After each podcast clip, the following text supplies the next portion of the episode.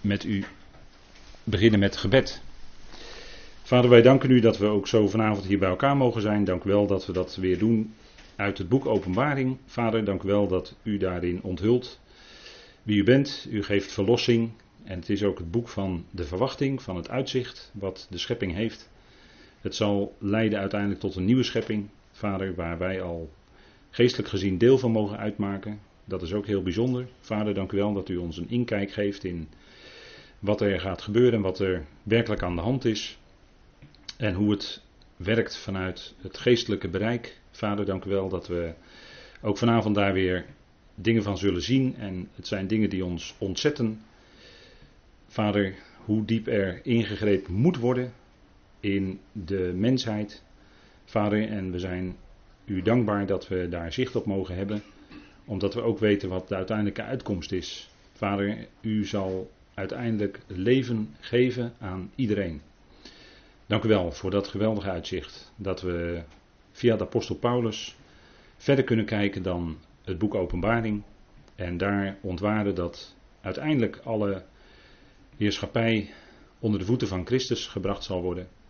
En dat de Christus, uw Zoon, onze Heer, zichzelf uiteindelijk zal onderschikken aan uw Vader, opdat u zult zijn alles in allen.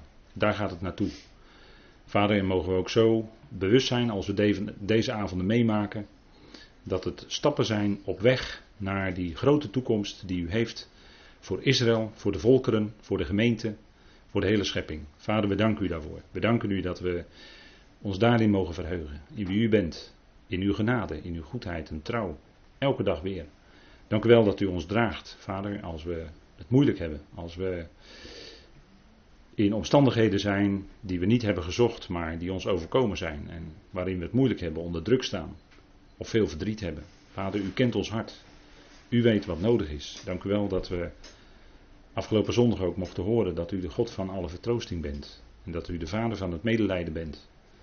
Vader, dat is alles waard dat we u mogen kennen. Vader, mogen we in ons leven dan u dankbaar zijn, u dienen in alles wat we kunnen doen. Vader, ook zo deze avond. Vader wil ons leiden zo in het spreken. Mag het zijn voluit en tot eer van u en tot opbouw. Vader, geeft u ons een horend hart, dat we de roepstem van uw liefde mogen verstaan. Vader, zo dank u daarvoor in de machtige naam van uw geliefde Zoon. Amen. Goed, wij eh, lezen met elkaar en dat doen wij eh, vanuit Openbaring 9. Dat is het eh, gedeelte waar we aan toegekomen zijn. En dat is de zesde engel die gaat bazuinen. En ik wil u lezen dan vanaf hoofdstuk 9, vers 12.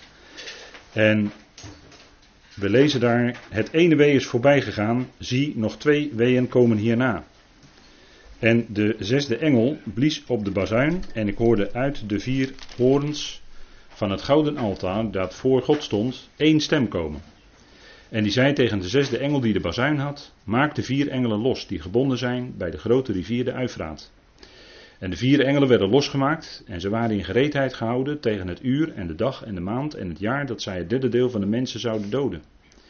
En het aantal bereden troepen bedroeg tweemaal tienduizend maal tienduizend en ik hoorde een aantal.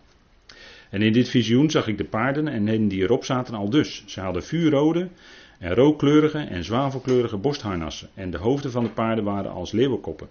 En uit hun mond kwam vuur, rook en zwavel. Door deze drie werd het derde deel van de mensen gedood, door het vuur, de rook en de zwavel die uit hun mond kwam. Want hun macht ligt in hun mond en in hun staart, want hun staarten zijn als slangen, met koppen eraan, en daarmee brengen zij schade toe. En de overige mensen die niet door deze plagen werden gedood, bekeerden zich niet van de werken van hun handen, en zij bleven de demonen aanbidden. En de gouden, zilveren, koperen, stenen en houten afgoden die niet kunnen zien, horen of lopen. Ook bekeerden zij zich niet van hun moorden, van hun tovenarij, hun ontucht en het plegen van diefstal. Goed, even tot zover de tekst uit dit gedeelte. En we zijn nog steeds bezig in het troongedeelte van openbaring. Waarin het gaat om het verkrijgen van de politieke heerschappij door de Messias Jezus. Die terug zal komen En daar gaat openbaring over. En ik denk dat het goed is om dat toch nog even goed met elkaar vast te stellen. Het is de terugkeer van Jezus Christus. Het is de onthulling van Jezus Christus. Die wordt in dit Bijbelboek onthuld. Het is niet zo dat het onthulling is van Johannes. Nee, hij, de Heer Jezus Christus, wordt onthuld in dit boek. En hij wordt ook uh, gezegd van hem dat hij degene is die was, die is en die komt. En daarmee heb je in feite de naam van God, zoals we die kennen in, en dan zeg ik het even naar de transliteratie, IEW, zoals we die kennen in dat, uh, wat dan ook genoemd wordt, de tetragrammaton, hè, de vierletterige naam. Daarin zit eigenlijk verleden, heden en toekomst. Het is ik ben, hè, zoals het vaak vertaald wordt, of ik zal er zijn, of ik was. Dat kun je eigenlijk alle drie vervatten in die ene naam. En het blijkt dat hij degene is die was en die is en vooral die komt. Hij is nu degene die in feite al van vader toebedeeld is met alle macht, alleen dat is nog niet zichtbaar in heel de schepping, maar dat zal wel komen. Dat is een kwestie van tijd. He, dus, dus hij die was, die is en die komt. Dat betekent, wat we in dit boek aantreffen, in het boek Openbaring, vijanden worden verslagen. Dat zien we gebeuren. Ongeloof wordt teruggedrongen. En de verwachting van de Messias wordt vervuld. als we denken aan Israël, het Jodendom heeft de verwachting van de Messias. Zij erkennen Jezus niet als hun Messias op dit moment. Maar ze hebben wel een verwachting dat die Messias die aangekondigd is, de gezalfde in Tenach, zoals die is aangekondigd, dat hij zal komen. En hij komt ook. En het blijkt dan te zijn, blijkt dan te zijn naar Zacharia, degene die zij doorstoken hebben. dat zegt de Heer dan, ze zullen mij aanschouwen die zij doorstoken hebben. En dan zullen de stammen zich op de borst slaan van rouw en van weeklacht, omdat ze dan zullen zien wie hun Messias is. En dat is het hoopvolle van het boek Openbaring, vandaar dat u ziet dit plaatje met die opgaande zon. Hè. Het is de zon die bijna gaat doorbreken, maar het is nog steeds geestelijk in deze wereld duister en het wordt in hoog tempo steeds duisterder. Geestelijk gezien dan. Hè. Maar dat licht komt, hè, als de nacht het donkerst is, dan is ook de dag nabij. Dat weet u en dat is, geldt ook zeker voor deze dingen. Wij zien dan dat, als we nog even dat overzicht erbij pakken wat u al kent van de bazuinen, want in dat gedeelte zijn we nu bezig. Dat de eerste tot en met de vierde bazuin, het gaat om allerlei zaken die in de natuur gebeuren. Hè, dat zijn allerlei natuurverschijnselen. En waarvan je kan zeggen, het is indirect. Hè? Het is een indirect ingrijpen. Je kan het nog niet, de mensen kunnen dat nog niet direct relateren aan God. Maar als het gaat om de vijfde tot en met de zevende, die ook weeën worden genoemd, dan gaat het om een rechtstreeks ingrijpen en dan worden er ook geestelijke machten en krachten losgemaakt. Dat hebben we vorige keer ook gezien bij Abaddon, Apollyon, die uit de abyssos kwam, hè, uit de afgrond kwam. Eh, met een enorme verdervende kracht. En, dat, en daar wordt nog meer losgemaakt. Dat hebben we al gelezen met elkaar. Maar dat zijn dan directe ingrepen, zou je kunnen zeggen, van God.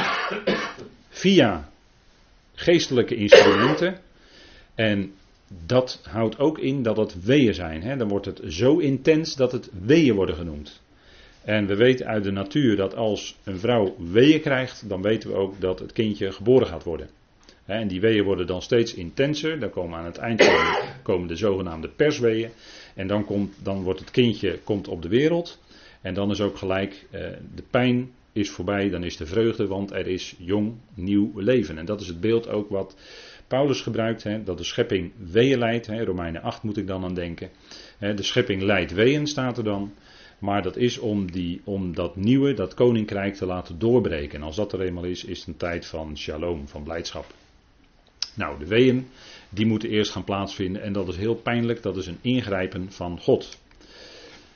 En we zien dat hij is, zo wordt hij genoemd in het boek Openbaring, de leeuw uit de stam van Juda. Hè? Dat is de zogenaamde koningsstam. Hè? In Juda zit de koningslijn. En de Heer was toen hij op aarde was geen priester, ook geen hoge priester. Dat kon hij niet zijn omdat hij uit de stam van Juda was, waarover de schrift met geen enkel woord gesproken heeft over priesterschap, zegt de Hebreeën schrijver dan. Hè? En daarom kon hij toen hij op aarde was geen priester zijn, ook geen hoge priester zijn. Uh, later wel, toen hij verhoogd was, wordt hij genoemd de hoge priester naar de ordening van Melchizedek. En dan is het Melchizedek uit Genesis 14, die koning en priester was. Gerechtigheid en vrede kenmerken zijn regering. Nou, zo zal hij ook op de aarde zijn in de duizend jaren als hij op aarde is. Dat is niet letterlijk zo duizend jaren lang, maar hij regeert wel via zijn volk vanuit, vanuit Juda, Jeruzalem. En de verlossing komt dan ook en het is de dag van de Heer. Het is de dag van IEW. Dat is uh, degene die was, die is en die komt. Nou, die dag die wordt bijvoorbeeld in de profetie van Joël uitgebreid aangekondigd. In elk hoofdstuk van Joël komt die term de dag des Heren naar voren. En daar zullen dan allerlei verschijnselen bij plaatsvinden. Dus de, het Joodse volk kan heel goed weten wanneer de Messias gaat komen. Dat kunnen zij herkennen aan allerlei tekenen die gebeuren. Tekenen aan zon, maan en sterren. Dat is typisch iets voor Israël. Dat is niet voor ons, de gemeente. Wij hebben geen enkel teken zichtbaar voordat de bazuin Gods zou klinken. De bazuin van God zou klinken. En dat kan vandaag nog gebeuren vanavond. Het kan morgen gebeuren. Het kan overmorgen gebeuren volgende week. Er is geen enkel zichtbaar teken dat wij, uh, waaraan wij eventueel zouden kunnen zien dat de bazuin gaat klinken. Dus al wat op internet rondgaat, en ik weet dat er heel wat rondgaat over 23 september van dit jaar, daar krijg ik ook allerlei mails van en zo, hè, mensen die daarop wijzen. Uh, daar is heel veel over te doen op internet, maar ik koppel dat niet aan de verwachting voor de gemeente. Tekenen en wonderen, aan zon, maan en sterren, en welke constellatie er dan ook maar is, en er was er ook in in 1988, toen stonden allerlei planeten, of het woord planeet goed is, dat weet ik niet.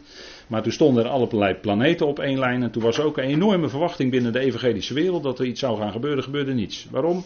Men houdt zich vast aan zichtbare tekenen in sterren en dat is niet aan de gemeente gegeven. Wij hebben geen enkel teken. Wij verwachten de Heer elke dag. De bazuin kan elke dag klinken. Dat, zo leefde Paulus ook. En dat is voor ons de verwachting. En dan, als dat moment is geweest, pas dan gaan er allerlei dingen gebeuren waaraan Israël, gelovigen uit Israël, kunnen herkennen. En eventueel ook degene die alleen de tenag bestuderen, maar daar staat ook genoeg in in profetie. Waaraan ze kunnen herkennen, hé, hey, nu gaan er bijzondere dingen gebeuren. Zie Daniel, dan kunnen ze het zelfs gaan tellen, de dagen gaan tellen. vanuit Daniel hebben we dat gezien. Nou, en dan zal de verlossing eerst komen voor Juda en Jeruzalem. En dat is wat eh, de profeten voor zeggen. En daarna komt de verlossing over de hele aarde. Maar de Heer komt als de leeuw uit de stam van Juda. Hij wordt gezien als het lam, maar tegelijkertijd als hij gaat verlossen, dan is hij sterk als een leeuw. En een leeuw is de koning van de dieren. Hij zal komen dan als de koning der koningen en alle vijanden vernietigen, verslaan als JW Zebaot. En dan zien we dat die zesde boodschapper gaat bazuinen. En dan wordt er iets bijzonders gezegd. Dan hoorde Johannes een stem uit de vier horens van het gouden altaar dat voor God stond. En hij hoorde één stem. En dan moeten we natuurlijk opletten op zo'n beschrijving, want daar zit symboliek in. er wordt gesproken over vier horens, zoals het ook bekend was. U ziet dat hier ook op het plaatje. Het was bekend uit de tabernakel- en tempeldienst. Het gouden altaar waar het reukoffer, altaar, waar het reukoffer op stond. En vier dat weet u, dat is de vier hoeken van de aarde. Dus het gaat hier om vier in ieder geval. En het getal vier spreekt ook niet alleen van de aarde, maar spreekt ook van het zichtbare, hè, deze wereld. Er wordt gesproken over vier boodschappers die vier winden vasthouden, bijvoorbeeld de vier windstreken. Nou, alles wat met de aarde te maken heeft, is, wordt vaak aangeduid met een vier. Hè. En dat is ook bij Adam, die uit de aarde genomen was. Hè, als je uh, dat nagaat in zijn naam, de Hebreeuwse naam Adam, dan is dat ook de vier die sterk naar voren komt. Nou, horens, hebben we ook al gezien, spreken van kracht, spreken van koningschap. En een altaar spreekt van dienstbetoon, van dienstwerk. als er sprake is van een altaar, dan is er ook sprake van dienst, de dienst aan de Heer. En op dat altaar aan die horens moest in het verleden bloed gestreken worden. dat was het bloed bijvoorbeeld van een ram of van een geitenbok. En dat bloed was dan tot bescherming, staat er eigenlijk. er wordt het woord kafar gebruikt.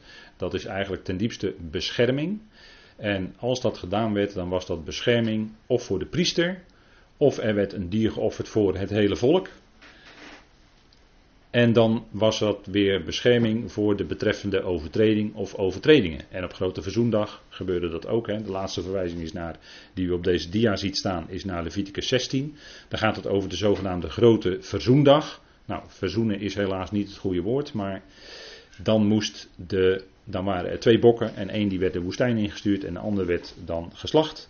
En het bloed werd dan gesprenkeld, ook in het heilige der heiligen, op het, de, het beschermdeksel van het ark van het verbond en voor de ark van het verbond op de vloer. En dat was dan voor het hele jaar was er weer bescherming gedaan. En zo sprak dat bloed, al dat bloed sprak natuurlijk van het kostbare bloed van Christus.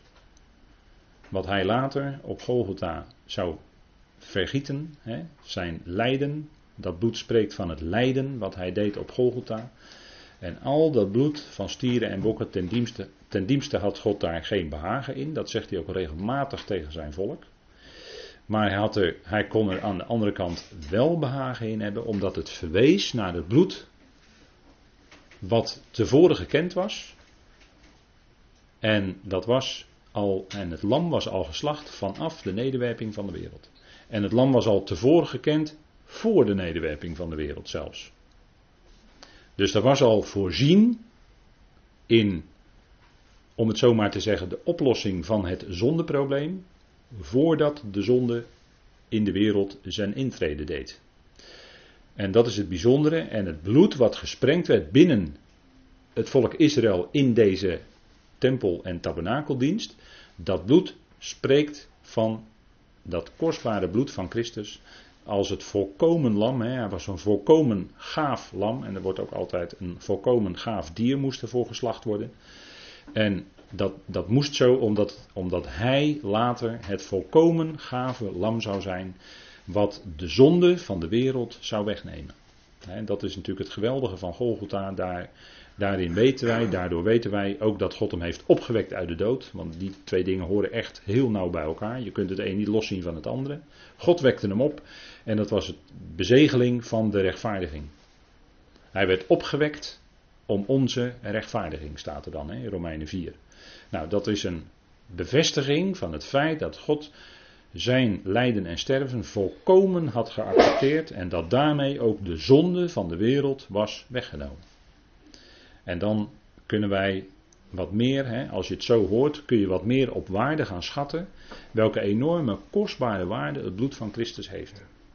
Hè, en daarom hè, hoort u mij wel eens zeggen dat we het hele jaar door stilstaan bij dat wat de zoon heeft eh, mogen doen. het hele jaar door we kunnen we stilstaan bij die geweldige heilsfeiten, want dat is het evangelie. Dat hij werd overgeleverd om onze zonde, dat hij werd opgewekt, dat hij begraven werd, maar ook opgewekt op de derde dag. Dat, is, dat is de kern waar het om gaat en dat kunnen we niet genoeg met elkaar overdenken. En ik hoop dat als u zelf uh, thuis eet, als u brood eet, of als u wat drinkt, Misschien zegt u van nou, ik drink helemaal geen wijn, maar als u wel eens een wijntje drinkt, denk er dan bij dat het spreekt eigenlijk van het kostbare bloed van Christus.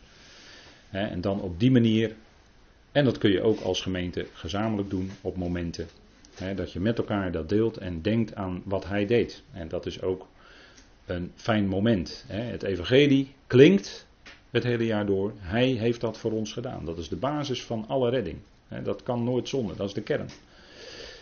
En dan is er die ene stem, hè? Die ene stem, die is bepalend. En dat is de stem van God, hè, die hij laat klinken via boodschappers. Maar die ene stem die klinkt hier ook. En dat is uit dat altaar dat voor God staat. En dat is ook wat we zouden goed meenemen. Want kijk, een horen, ik noemde het net al even, een, een horen is kracht. Hè? En zo is, wordt aan Israël ook kracht verleend in de toekomst En er wordt Israël gegeven een ijzeren hoorn. Laten we het even met elkaar opzoeken. Dat is Micha 4, vers 13.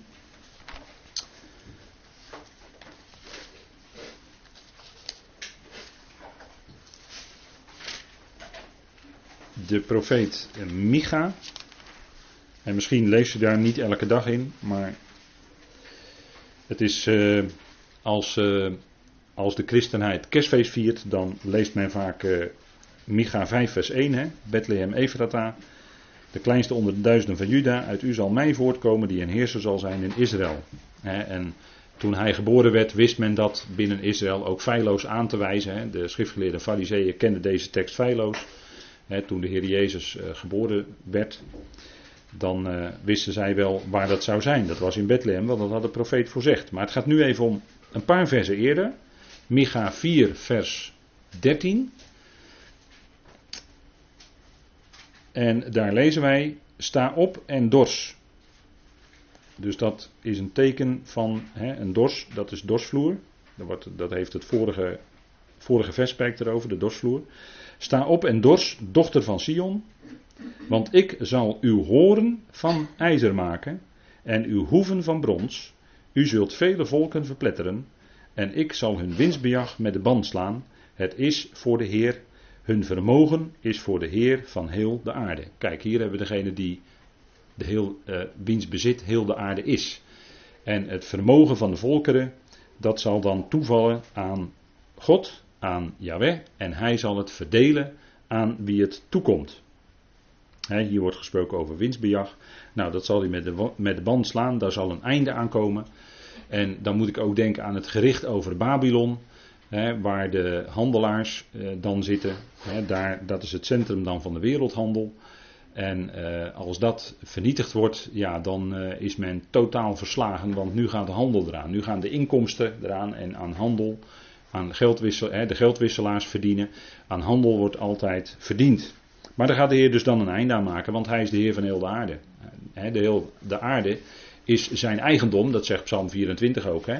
De aarde is van mij, zegt de Heer. Dus hij heeft die aarde in zijn bezit en hij deelt het toe aan wie hij wil. Hij heeft de, Paulus zegt ook in, in Athene op de Areopagus dat hij de landgrenzen van de volkeren heeft bepaald. En ook de vastgestelde tijden heeft hij bepaald.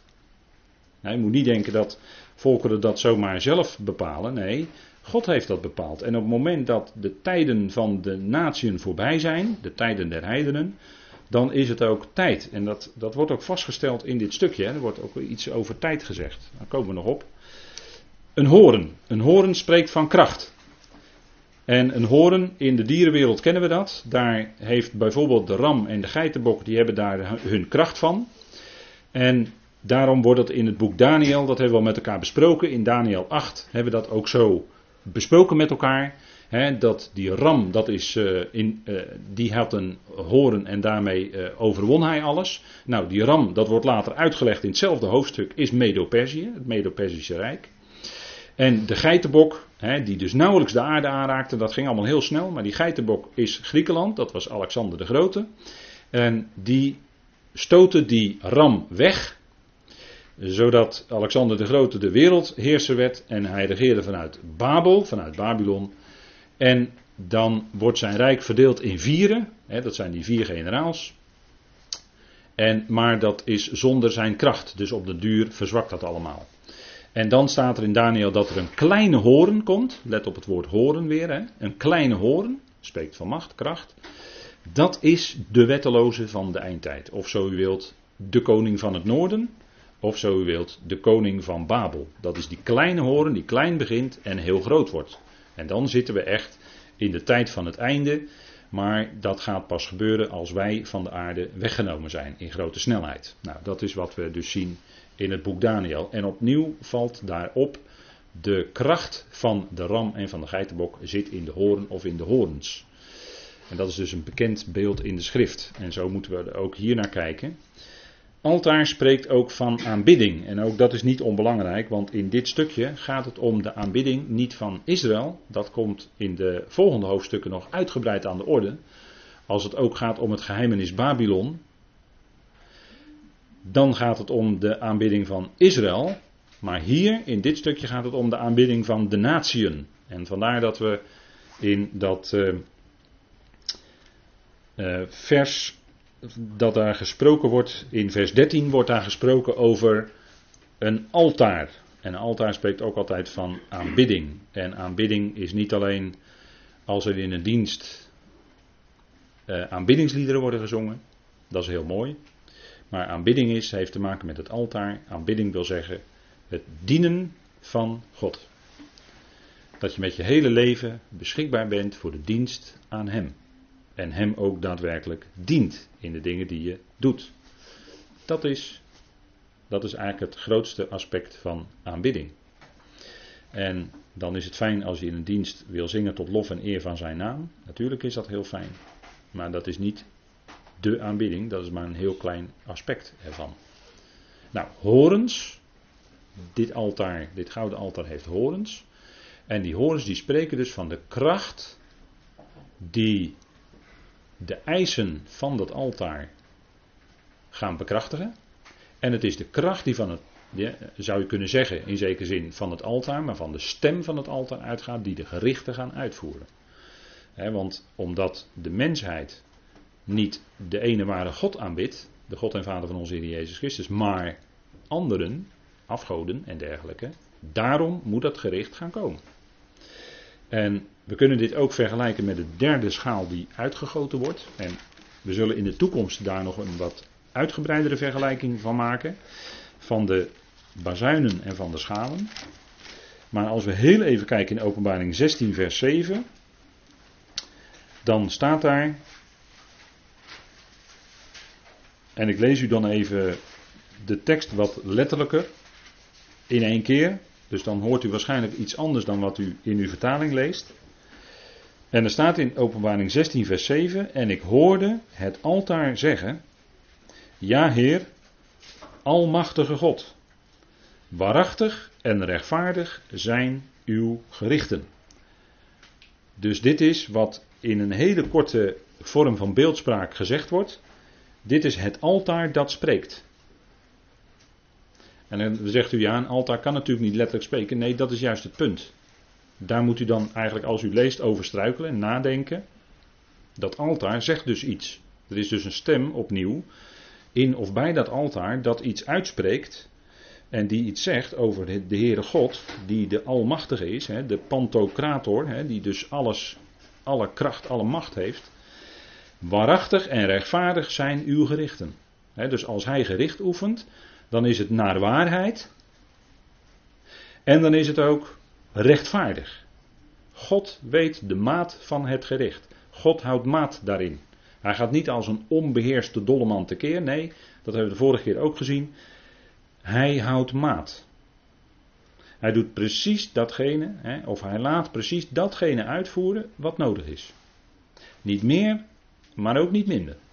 En daarom is het ook rechtvaardig. Het is volkomen terecht dat er een gericht gaat komen over de mensheid, omdat ze die ene ware God niet aanbidden. Maar ze aanbidden anderen. Ze aanbidden afgoden. Ze aanbidden demonen. dat staat allemaal in het stukje wat we gelezen hebben. Nou, en daarom moet dit gaan gebeuren. Daarom is dit ook zo'n ernstig woord.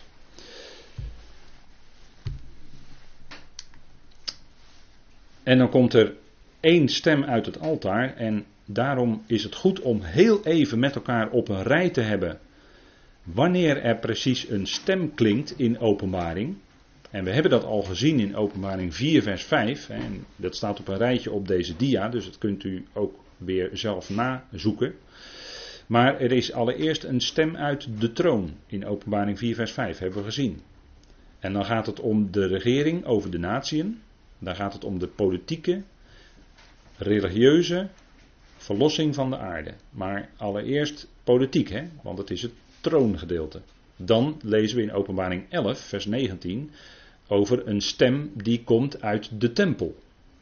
En dan gaat dat tempelgedeelte van Openbaring beginnen. En dan gaat het ook om aanbidding, dan gaat het ook om religie.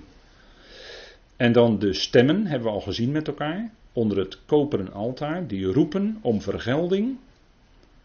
Want dit zijn de Joden die omgebracht zijn in de tijd van hun verdrukking. En dat bloed, dat roept. Dat bloed, dat roept niet letterlijk, maar dat roept wel, maar dan zonder hoorbare stem. Net zoals het bloed van Abel riep vanaf de aardbodem, toen hij door Kain om het leven was gebracht, zal dat bloed van de martelaren van zijn volk roepen, omdat zij ook door de nakomelingen van Kain, als het om hun religie gaat, omgebracht zijn. Dat bloed, dat roept dan van de aardbodem. En dat, hè, er wordt gesproken dan in een beeld over de zielen onder het altaar, maar dat is in werkelijkheid het bloed. En de ziel is altijd in het bloed. Dan hebben we gezien de stem van de vale gier, hè, dat hebben we de vorige keer bij stilgestaan. De stem van die vale gier, die uitgekozen werd om de weebazuinen aan te kondigen. En dan gaat het ook om hè, een vale gier, als die in de lucht gaat cirkelen, dan heeft dat te maken met de dood. Dan is daar een kadaver, dan is daar een lijk uh, van meestal een dier, maar dan zal het in openbaring gaan om mensen die om worden gebracht. En dat zien we hier in zijn schrikwekkendheid. En de laatste schaal heeft ook een stem uit de tempel. En die stem, dat is steeds het beslissende woord van God. Die stem van God, die zal ook in de toekomst, als dat koninkrijk van Christus hier op aarde gestalte heeft gekregen, en dat zal eerst duizend jaar zijn en daarna op de nieuwe aarde, maar dan zal die stem uitgaan vanuit het centrum van de aarde, en dat is Israël. Dan zal de stem, het woord van God zal uitgaan vanuit Jeruzalem, vanuit Sion. En dat is vanuit de kern van de hele aarde. En wat staat dus centraal in die hele aarde? Dat is dat woord van God. Daar gaat het om. En dat is ook het centrale gegeven in de tabernakel en in de tempeldienst. Hè. In die ark was het woord. Daar lagen die stenen tafelen, maar die symboliseerden natuurlijk het woord van God. En vanaf het beschermdeksel van de ark sprak JW. En daarom heet het ook de tent van de samenkomst. Heel Israël kwam samen om de stem van hem te horen. dat is het beslissende woord van God. En daarom zouden we dat ook hoog achten. We kunnen nooit zeggen van we hebben dat woord van God. Zo hoor je sommigen wel eens schrijven, of zo lees je sommigen wel eens als die schrijven. Of je hoort sommigen wel eens spreken. En dan denk je van ja, je hebt misschien de gedachte dat jij het woord van God in je broekzak hebt. Nou, vergeet het maar hoor, vergeet het maar. Je zal op, een, op een dag zal je erachter komen dat jij onder dat woord gesteld wordt. En dat jij in feite daar in feite eh, onder moest staan. Maar die, die dag komt wel, dat komt wel. Maar dat is nog toekomst.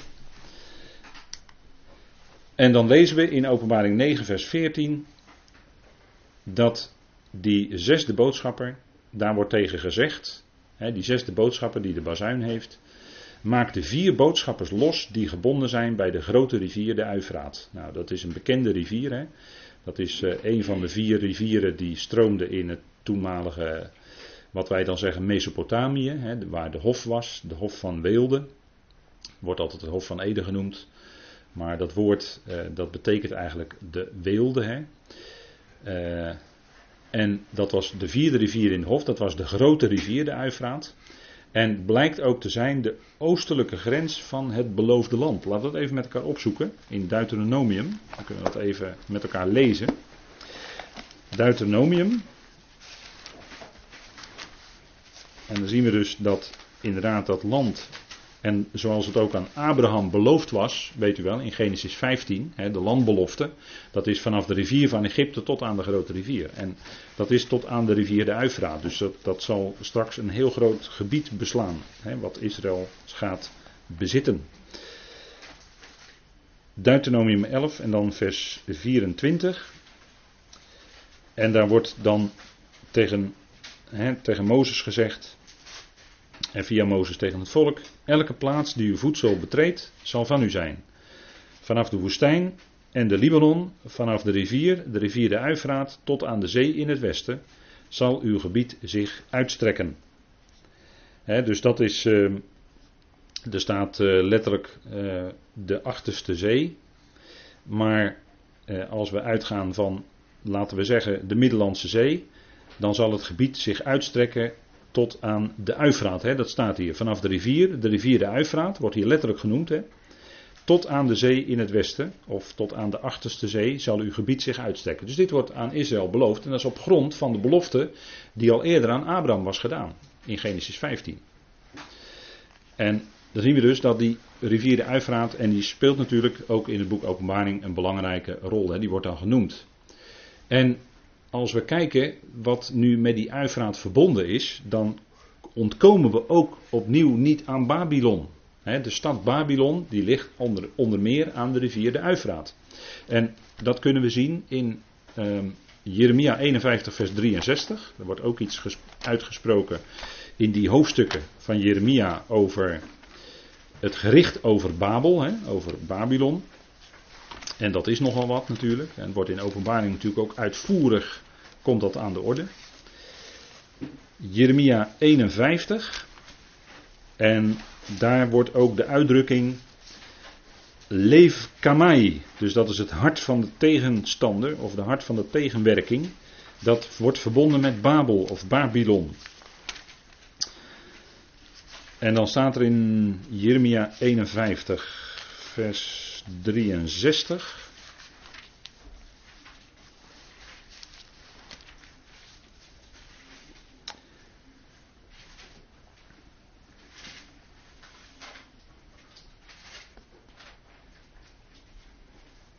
Dan zal het gebeuren zodra u het voorlezen van deze boekrol beëindigt, dat u, daaraan, dat u daaraan een steen zult binden en hem midden in de uifraat zult werpen. Dan moet u zeggen, zo zal Babel wegzinken en niet meer bovenkomen vanwege het kwaad dat ik erover zal brengen. En zij zullen afgemat zijn. Tot zover de woorden van Jeremia. Dus hier zien we dat het gericht over Babylon heel nauw verbonden wordt met de rivier de Uifraat. Hè? Dus die rol waarin dat ook beschreven wordt, die wordt dan geworpen in de rivier de Uifraat. En Babylon ligt ook aan die rivier. Hè? En dan het gericht wordt ook verbonden, als we dat even met elkaar opslaan in Openbaring 16, vers 12. Openbaring 16, vers 12.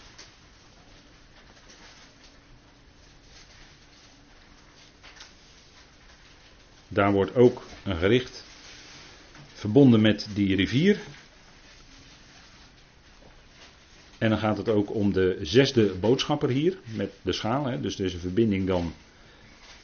Er is iets overeenkomstig tussen de zesde boodschapper die bazuint en de zesde boodschapper die de schaal uitgiet. Maar die vergelijking gaan we nog verder in de, waarschijnlijk de volgende keer met elkaar bekijken. En er staat, en de zesde boodschapper goot zijn schaal uit over de grote rivier de Uifraat en haar water droogde op, zodat de weg gereed gemaakt werd voor de koningen uit de richting waar de zon op gaat. Nou goed, wat dat precies voor koningen zijn en waar zij vandaan komen, daar zullen we dan in de toekomst nog naar gaan kijken. Die vier boodschappers. Wie zijn dat? Want er wordt gezegd dat zij vastgehouden zijn. Hè? In vers 15 staat, die vier boodschappers werden losgemaakt. Dat wil zeggen, daarvoor waren zij gebonden. Ze waren in gereedheid gehouden. En er wordt heel specifiek ook gezegd tegen het uur en de dag en de maand en het jaar dat zij het derde deel van de mensheid zouden doden. Dus er is gewacht, dan als dit gaat plaatsvinden, is er gewacht, heel bewust, tot het moment dat dit moet gaan gebeuren. En dit staat beschreven, dus dit moet gaan gebeuren. Dit zal ook gaan gebeuren. En wie zijn dit? Nou, we kunnen kijken in 2 Petrus 2, vers 4. Dat is een suggestie. Dat zou kunnen. 2 Petrus 2, vers 4. En dan gaat het om de wereld van de tijd voor de grote vloed bij Noach.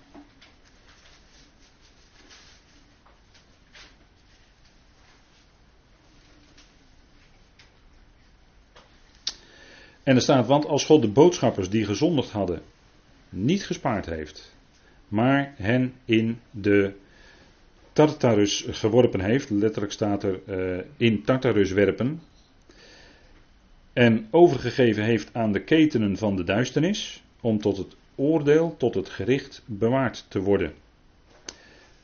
Er bestaat een mogelijkheid dat het gaat om deze boodschappers, die hier genoemd worden in 2 Petrus 2, vers 4. Er was in de tijd van Noach iets aan de hand in de geestelijke wereld. Hè, dat kunt u nazoeken in Genesis. En dat gaat erom dat zij hun plaats die zij hadden niet hebben behouden. En we lezen dat ook in Judas vers 6. Die versen worden meestal door uitleggers aan elkaar gekoppeld. En eh, dan proberen we dus schrift met schrift te vergelijken hierin.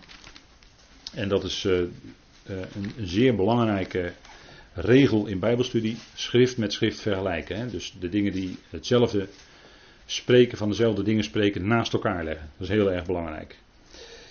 En dan Judas vers 6. En er staat, en de boodschappers die hun oorspronkelijke staat niet hebben bewaard. Dus ze zijn niet in die positie gebleven waar ze hadden moeten blijven. Maar hun eigen woonplaats verlaten hebben. Heeft hij voor het gericht van de grote dag met, en dan staat er niet eeuwige, maar met, met onwaarneembare boeien in duisternis in bewaring gesteld. En er wordt daarna direct gesproken over Sodom en Gomorra en het gericht wat daarover komt. Maar goed, daar komen we in de toekomst nog wel op terug. Maar eh, het is mogelijk dat Judas vers 6 over hetzelfde spreekt als 2 Petrus 2 vers 4. Daar lijkt het heel veel op. En bestaat de mogelijkheid dat dit deze boodschappers zijn die dus tot dit moment uh, vastgehouden zijn. Dat zou kunnen. Uh, om deel uit te maken op een of andere manier van gericht. Of daar ook bij zelf later een gericht te ondergaan. Maar die vier boodschappers werden losgemaakt. Zij werden in gereedheid gehouden tot een bepaald moment. Hè. En dan ziet u dat er zelfs gewacht werd tot het uur waarop. Hè, dus dat, het, dat God die de tijden in zijn hand heeft, dat dus heel nauwgezet laat verlopen en wij met onze kalenders en verschillende kalenders, en wij weten niet meer precies welke datum het is of welk jaar het is. want als je daarin gaat verdiepen, dan uh, wordt dat heel moeilijk hoor. Als we om, om vast te stellen in welk jaar wij nu zitten. wij zeggen met z'n allen 2017, omdat we dat op een gegeven moment ooit een keer met z'n allen, nou niet met z'n allen, maar omdat het ooit een keer afgesproken is. Um, maar daar is, valt heel veel op af te dingen. Dus of wij werkelijk in het jaar 2017 zitten, dat is maar zeer de vraag. Maar dat is tijdrekening. En in Bijbelse tijdrekening is ook heel moeilijk. Want ga maar eens met diverse gelovigen praten over wanneer de Heer nou precies is opgestaan. Dat is ook een heel moeilijk onderwerp. En hier zien we dus dat God daar heel nauwgezet in is. Dus dat hij hier heel nauwgezet aangeeft het uur, de dag, de maand en het jaar. Tot zo lang worden zij vastgehouden en als het dat uur is aangebroken, dan moet het ook gaan gebeuren. Niet eerder dan dat moment. En daarom wacht God ook nog steeds in deze tijd. Totdat hij duidelijk maakt, nu moet de bazuin gaan klinken en nu moet die gemeente van de aarde weg. En, dat is, dat, en als u het mij vraagt, gaat het dan om hetzelfde. Gaat, wordt, wordt gewacht tot die bazuin van God klinkt, tot het uur, de dag, de maand en het jaar. En dat heeft God bepaald. dat bepalen wij niet, uiteraard, want waar, dat weten we helemaal niks van. Maar we, leven wel in die verwachting dat die zoon gaat komen. En dat is een geweldig moment, want hij komt niet om ons te richten, hij komt om ons te redden. Hij komt als redder. Om ons te redden voor de komende verontwaardiging. dat zegt 1 Thessalonicense 5. Wij zijn niet gesteld tot verontwaardiging. Maar tot toe-eigening van redding. Door wie? Door onze Heer Jezus Christus. En de garantie is afgegeven toen hij voor ons stierf en opstond uit de dood. Dat staat er allemaal bij daar in Thessalonicense. En, en dat is waar we naar uitkijken. En zo komt de Heer voor ons, hè, als redder. En zou Hij dan ons iets van gerichten, van hè, de jaarweek, zou Hij ons daarvan dan iets laten meemaken? Als u het mij vraagt, niet. Als u het mij vraagt, worden wij weggenomen in grote snelheid voordat die jaarweek gaat lopen. Omdat die jaarweek typisch iets is voor Israël en Jeruzalem. Daniel kreeg die profetie van de jaarweken en hij moest profeteren en dat had te maken met jouw volk, wordt tegen Daniel gezegd, en jouw heilige stad. Nou, duidelijker kan het niet, hè? Daar worden al die jaarweken mee verbonden. En niet met de gemeente. Dus als u het mij vraagt, wordt de gemeente weggenomen in snelheid voordat die jaarweek begint. Maar ik weet dat daarover ook veel discussie is. En ik ken de argumenten wel.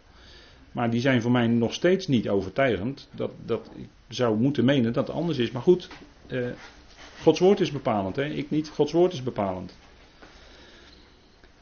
Maar die boodschappers die worden vastgehouden en die gaan dan uit op dat specifieke moment om een derde van de mensheid te doden. En dat is wat, hè? dat is wat.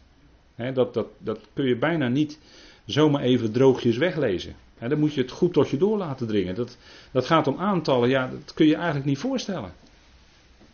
En, en, en uitleggers die zeggen dan ook, ja, maar je moet die een derde niet zo letterlijk nemen, je moet dat symbolisch opvatten. Ja, probeer toch altijd eerst letterlijk te nemen. En het is hier misschien wel heel erg dat je dit letterlijk neemt. Als je dit letterlijk neemt. Dat een derde van die mensheid, dat die gaat omkomen door wat gaat plaatsvinden. Dat is verschrikkelijk. Maar dit is de tekst. En ja, dat, dat kunnen we toch niet anders. We kunnen dat niet veranderen. U ziet, hè, de kalender van God is heel nauwgezet. Wij willen hem wel eens een uurtje wisselen met zomer- en wintertijd. En dan eh, zijn we misschien te laat in de dienst of zo, dat zou kunnen, hè, als je dat vergeten bent. Uh, maar goed, dat is allemaal niet zo'n punt, dat is niet zo belangrijk. Maar kijk, bij God, God houdt die tijd wel bij hoor. Bij God gaat dat heel nauwkeurig. Bij God is het niet dat hij iets vergeet of dat zomaar een tijdstip laat hij voorbij gaan of wat dan ook. Nee. En, en als Paulus dan zegt, zie, nu is het aangename, een aangename tijd. Nu is een dag van redding. Dat is nu. Nu is de tijd nog steeds van genade. En dat is geweldig. Laten we dat waarderen. Ondanks alle moeite en, en pijn die er is in de wereld, ondanks alle ellende die we zien, vanuit het geestelijke is nog steeds nu de tijd van genade. Waarop God zijn verzoenende handen uitstrekt naar deze wereld. En waarin we geen boodschap hebben van uh, oordeel over een mens. Nee, we mogen die boodschap uitbrengen aan de mens. De liefde van Christus dringt ons. Dat, dat die ene is voor allen gestorven. Dat is liefde. Enorm. En, en die liefde van God die ging zo ver. Dat hij die ene liet sterven voor die hele mensheid. En waardoor die hele mensheid gered is. Nou, dat, dat, die liefde mogen we doorgeven aan anderen. Dat, dat is die boodschap. Hè? Dat is de verbinding met God. Hoe is God? God is liefde. Hoe is God? God komt met iedereen tot zijn doel. Jij hoeft niks te doen. Het is al bewerkt voor jou op Golgotha. Je mag God daar simpelweg voor danken. Als dat iets van tot je doordringt. Dank God ervoor, voor die genade. Het is nog steeds de tijd van genade. En het zal precies zo lang duren zoals God dat bepaald heeft. En de uur en de dag, het wordt hier vastgesteld. Voor de bazuin weten wij het niet. En dat is misschien maar heel goed ook. Dat wij het niet weten. Wij weten niet de dag of het uur. Maar we zien er naar uit. En we willen gericht leven op die komst. Hè? En, en, eh, en, en laat dan die toekomstverwachting jouw leven van nu, van vandaag bepalen. Hè? Laat die verwachting, datgene wat jou verwacht, laat dat je bepalen. En dan is het niet meer jouw verleden wat jou maakt tot wie je nu bent. Nee, dat verleden moest er zijn, natuurlijk, dat moest er zijn. Maar laat die toekomst die God geeft, laat die bepalen jouw dagen vandaag. Hoe je nu bent. En dan ziet het heel anders uit. En dan kijk je omhoog, dan kun je omhoog kijken naar Hem. En dan hoef je eh, niet achterom te kijken. En ik zeg niet dat het verkeerd is. Maar je kan soms zo in dat verleden blijven hangen. Maar dan mogen we ook kijken naar die toekomst die God geeft, de verlossing die God schenkt en de genade die God vandaag geeft. En dat, dat richt je blik dan anders, dat, dat maakt je hart ook anders. Nou, dat, hè, dat uitzicht. Nou, we hebben dat. En die vier boodschappers, die werden dus losgemaakt. En ze gaan dan om een derde van die mensheid te doden. Het is ontzettend, het is verschrikkelijk. en dat, dat God zo diep gaat ingrijpen. bij de vorige gerichten, als je daar goed naar kijkt, zou je kunnen zeggen dat een kwart van de mensheid al is omgekomen door wat er al gebeurd is. En dan hier nog een keer een derde. Dat wil zeggen dat die mensheid blijkt dan, waar, zoals openbaringen erover spreekt, en als je dat zo opvat, van een derde deel hier en toen al een kwart, dan spreek je over de helft van de mensheid. Dat, dat zijn aantallen, dat kun je helemaal niet bevatten. Dat kun je helemaal niet bevatten. En, en het is ook ontzettend wat gaat gebeuren. En dan, dan is God ons bijzonder genadig dat Hij ons nu heeft uitgered. Want er is niets van onszelf bij. Wij zijn niet beter dan een ander. Integendeel. He, voor God is ieder mens gelijk. Bij Hem is geen aanzien van persoon. En, en toch kiest hij de gemeente uit, kiest hij mensen uit die bij de gemeente horen. Ja, dat is, dat is een zaak van God. En waarom hij dan ons dan kennelijk wel heeft uitgekozen, daar zijn we blij mee. En die ander niet in zijn plan. Ja, dat is, dat is, dat is uiteindelijk toch Gods zaak. En, en in zijn wijsheid heeft hij dat zo bepaald. En ja, dat, dat, daar kun je het vaak moeilijk mee hebben. En, en terecht. Je zou het liefst uh, iedereen om je heen er ook bij willen betrekken, zodat ze ook die vreselijke tijd niet mee hoeven te maken. Dat ze vooral God leren kennen zoals die is. Dat is nog belangrijker. Maar dat, dat zou je het liefste willen, maar dat gebeurt niet. Soms uh, soms uh, je, je, kan niet met, aan, iemand met tien paarden bewijzen van spreken gaan trekken, dan gaat, dan gaat hij nog niet geloven. dat, dat, nee, het is God die uitkiest. En we mogen dan geweldig dankbaar zijn dat hij dat ons heeft geschonken nu. niet, niet omdat wij lievelingetjes zijn, dat we beter zijn, helemaal niet, integendeel. Nee, maar het is wel genade. En, en zo, zo mogen we het zien. Nou, die, wat, uh, dan blijkt dus uit het boek Openbaring, dan gaan we weer even kijken naar die boodschappers, die vier boodschappers. Wat is hun rechtsgebied wat aan hun toebedeeld wordt? En dan merken we dat als er gesproken wordt over boodschappers in openbaring, dat aan hun een bepaalde jurisdictie wordt gegeven. Een bepaald rechtsgebied wordt gegeven waarover zij volmacht mogen uitoefenen. En uh, dat is bijvoorbeeld die vier over de vier winden, openbaring 7, hebben we dat met elkaar gezien. We hebben nog vorige keer gezien Abaddon, hè, Apollyon, de verderver of de vernieler. Die was kennelijk over de afgrond gesteld. Dan is er één, die wordt in openbaring 16 genoemd, over het water. Dat gaan we nog zien. En deze vier, gaat weer om vier, kennelijk over de mensheid in zeker opzicht. We hebben al met elkaar gekeken naar dat altaar, heeft te maken met aanbidding. En die vier hoeken verwijzen misschien wel naar de vier grote religies. Want als je naar de mensheid kijkt, dan zie je dat daar sprake is van vier grote religies. Het Hindoeïsme, het Boeddhisme, de islam en het christendom. dat zijn, als je echt naar aantallen kijkt, dan, en je kijkt naar de natieën, laten nu even dan Israël buiten beschouwing, omdat het hier over de natieën gaat dan gaat het qua aantallen, absolute aantallen, gaat het hier om de vier grote wereldreligies. En als je dit zou optellen, dan kom je aan een behoorlijk hoog aantal mensen qua getal. Ik meen dat het christendom, als je het heel groot neemt, dus dan zeg ik dus de Rooms-Katholieke Kerk erbij, dan zit je misschien wel aan bijna een miljard. Nou, de islam, dat weet ik niet uit mijn hoofd, maar dat is ook een zeer groot aantal. En dat neemt alleen maar toe.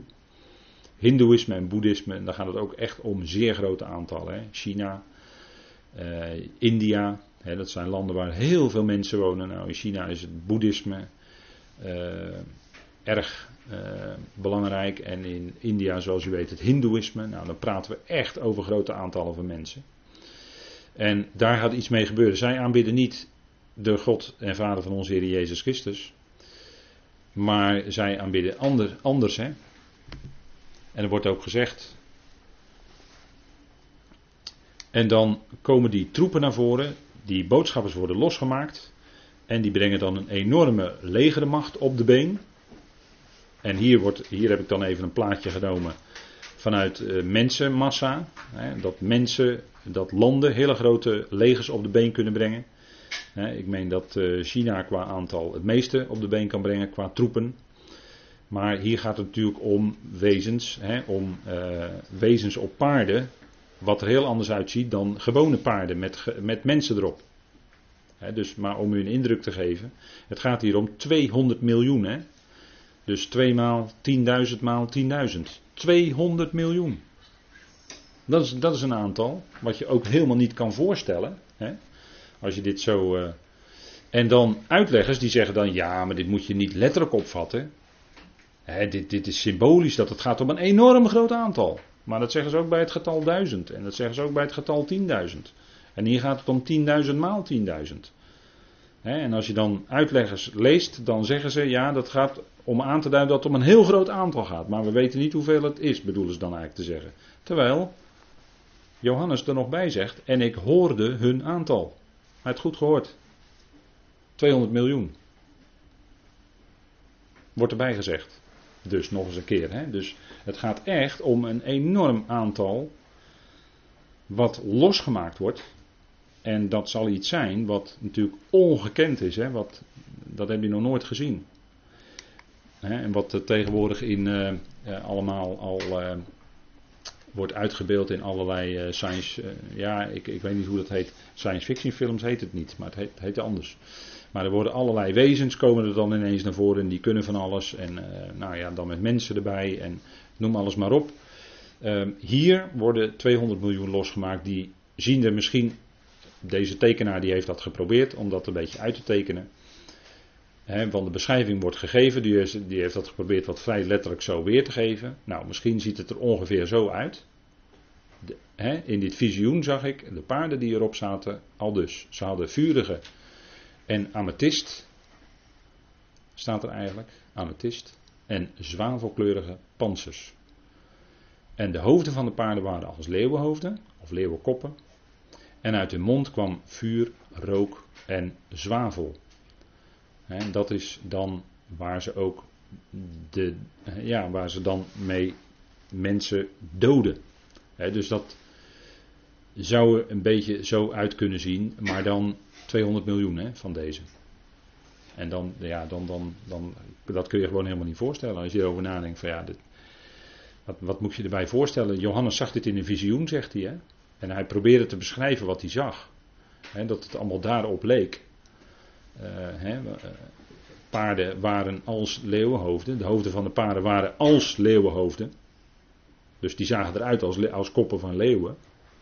Zo probeerde hij te omschrijven wat hij zag. Maar wat hij werkelijk zag, dat, dat kon hij eigenlijk maar moeilijk. Hij moest het vergelijken. Hij moest dingen erbij halen die hij kende om het te kunnen omschrijven. Vuur, rook, zwavel. Dat, dat is wat ze uitbrengen. Nou, misschien gaat het met, met vuur en rook ook wel om, uh, ja, zeker letterlijk vuur. Maar gaat misschien wel ook wel om bepaalde chemische uh, gassen of wat dan ook. Wat mensen kunnen doden. Hè, dat, dat, dat weet je niet. Het wordt zo beschreven in ieder geval. En er staat dan dat door deze drie slagen, hè, mensen worden daardoor aangeslagen eigenlijk, werd het derde deel van de mensen gedood uit het vuur, de rook en de zwavel die uit hun mond uitging. Dus dat heeft een enorme en ontzettende uitwerking op een derde van de dan levende mensheid. Dus die zullen erop uitgaan en de mensen zullen hiervan het slachtoffer worden. En dat is ontzettend, hè? Ontzettend wat, ja, wat moet gaan gebeuren. En dat is omdat die mensheid zo ver bij God vandaan is geraakt. Hè, en moet niet vergeten dat in de tijd waarin dat antichristelijke rijk, wereldrijk zijn gestalte krijgt op aarde, moet u niet vergeten dat zij verplicht zijn dan om het beest en het beeld van het beest te aanbidden. Dat zal wereldwijd zal dat opgelegd worden als een verplichte religie dan aanbidden zij niet de God van de hemel, de God en Vader van onze Heer Jezus Christus, maar zij aanbidden in feite daarin de draak. Dat, zo staat dat ook in openbaringen. Dus, en dat, daar was de draak natuurlijk op uit. Om die aanbidding te krijgen van die mensheid. En daarom was een van de beproevingen bij de Heer Jezus ook. Nou, val voor meneer dan, hè, en, en aanbid mij, dan zul je alles, alles krijgen wat ik je getoond heb. Al die koninkrijken, die waren dus toen in de macht van die tegenstander. Anders had hij daar niet kunnen, zo kunnen laten zien. en we weten dat dat systeem, dat, dat, en, en, Paulus noemt dat het geheimenis van de wetteloosheid, uh, dat, het, dat het door is gegaan en dat het achter de schermen in handen van de tegenstander is. En dat is niet veranderd sinds het moment van de confrontatie van de tegenstander met de Heer. En de Heer pareerde hem met er staat geschreven. En dat is voor ons ook het beste verdedigingsmiddel wat we kunnen hebben. Er staat geschreven. Wat is nu wijsheid in die of die situatie? Raadpleeg het woord. Bid God om wijsheid. En, en er staat zoveel wijsheid in zijn woord waar je wat aan hebt. Ook gewoon voor de praktijk van elke dag van je leven. en, en als je dan God bidt om wijsheid, dan, dan kan het heel goed zijn dat hij door zijn woord dingen laat zien. Welke kant je op gaat in je leven. Welke kant op moet en wat, wat, wat goed is om, om uh, ja, welke kant je opgaat welke kant goed is om op te gaan. in, in spreuken wordt dat heel mooi gezegd, of, of een prediker kan het ook zijn, wil ik even af zijn. Maar de geest van de wijze richt zich naar rechts. en uh, dat wil zeggen dat je toch vaak ontdekt dat wat van de linkerkant komt, om het zo maar te zeggen, dat dat zaken zijn die uh, eigenlijk toch, nou ja, dat ligt toch wat anders. Dat, dat probeert toch altijd van God af te wijken. En daarin zit dus al iets, hè, maar dat ga je door levenservaring ga je dat ook ontdekken. De wijsheid van, van het woord daarin. En uh, ja, het is goed om, om dat woord te volgen. De mensheid wordt steeds verder afgedreven van het woord. Sinds de verlichting, de tijd van de verlichting, is er, kwam er steeds meer belangstelling voor wat de mens zelf denkt, wat de mens zelf filosofeert, wat de mens zelf uitdenkt. En ook merkwaardig genoeg, sinds de tijd van de verlichting is men steeds meer het gezag van het woord van God gaan loslaten. En moest men de Bijbel, bij, om maar één voorbeeld te noemen, moest men de Bijbel gaan ontmythologiseren. dus er gebeurden wel allerlei wonderen in de Bijbel, maar die zijn niet echt gebeurd. Het gaat om de kern van het verhaal, wordt dan gezegd. En je moet al die wonderen en tekenen moet je maar weglaten. En dat is allemaal aantasting van het gezag dat het Gods woord is. En dat die wonderen wel degelijk gebeurd zijn. En zoiets, zoiets voor ons eenvoudigs om te geloven dat de Heer Jezus op het water liep. Dat is voor mij helemaal geen probleem, toch? Hij liep toch gewoon op het water naar dat bootje toe? Waarom niet? Waarom zou je dat niet kunnen? Is toch eenvoudig? Nou, al dat soort dingen. Kijk, het is Gods woord. En steeds zijn er dan pogingen om het gezag en de autoriteit van het woord van God aan te tasten. De historische betrouwbaarheid aan te tasten. Als we het over Babel hebben, dan moet ik ook aan Nineveh denken. Waarvan u heeft het wel vaker gehoord. Maar Nineveh, lange tijd beschouwde men dat als iets wat niet had bestaan. Maar in de Bijbel werd natuurlijk gesproken over Jona, die moest naar Nineveh gaan. Totdat er opgravingen aantoonden dat de stad Nineveh wel degelijk had bestaan. En weg was alle kritiek op de Bijbel. Op dat punt dan. En zo gaat het steeds. Maar de Bijbel is, is betrouwbaar ook als het gaat om de historie, als het gaat om de geschiedenis. soms hoor je dan schamper zeggen: ja, de Bijbel is geen geschiedenisboek. Oh nee? Ik denk dat de Bijbel beter dingen van de geschiedenis beschrijft dan uh, de andere geschiedschrijvers. Omdat de Bijbel laat zien waar het op dat moment om draait en wat daar gebeurde en dat het ook echt zo gebeurd is. Dat is, dat is een heel belangrijk punt. En, en dat soort zaken werd steeds meer sinds de verlichting aangetast. En zo is die mensheid steeds verder daardoor ook van God losgeraakt. Nou, goed, we gaan even pauzeren met elkaar en dan gaan we straks na de pauze weer verder.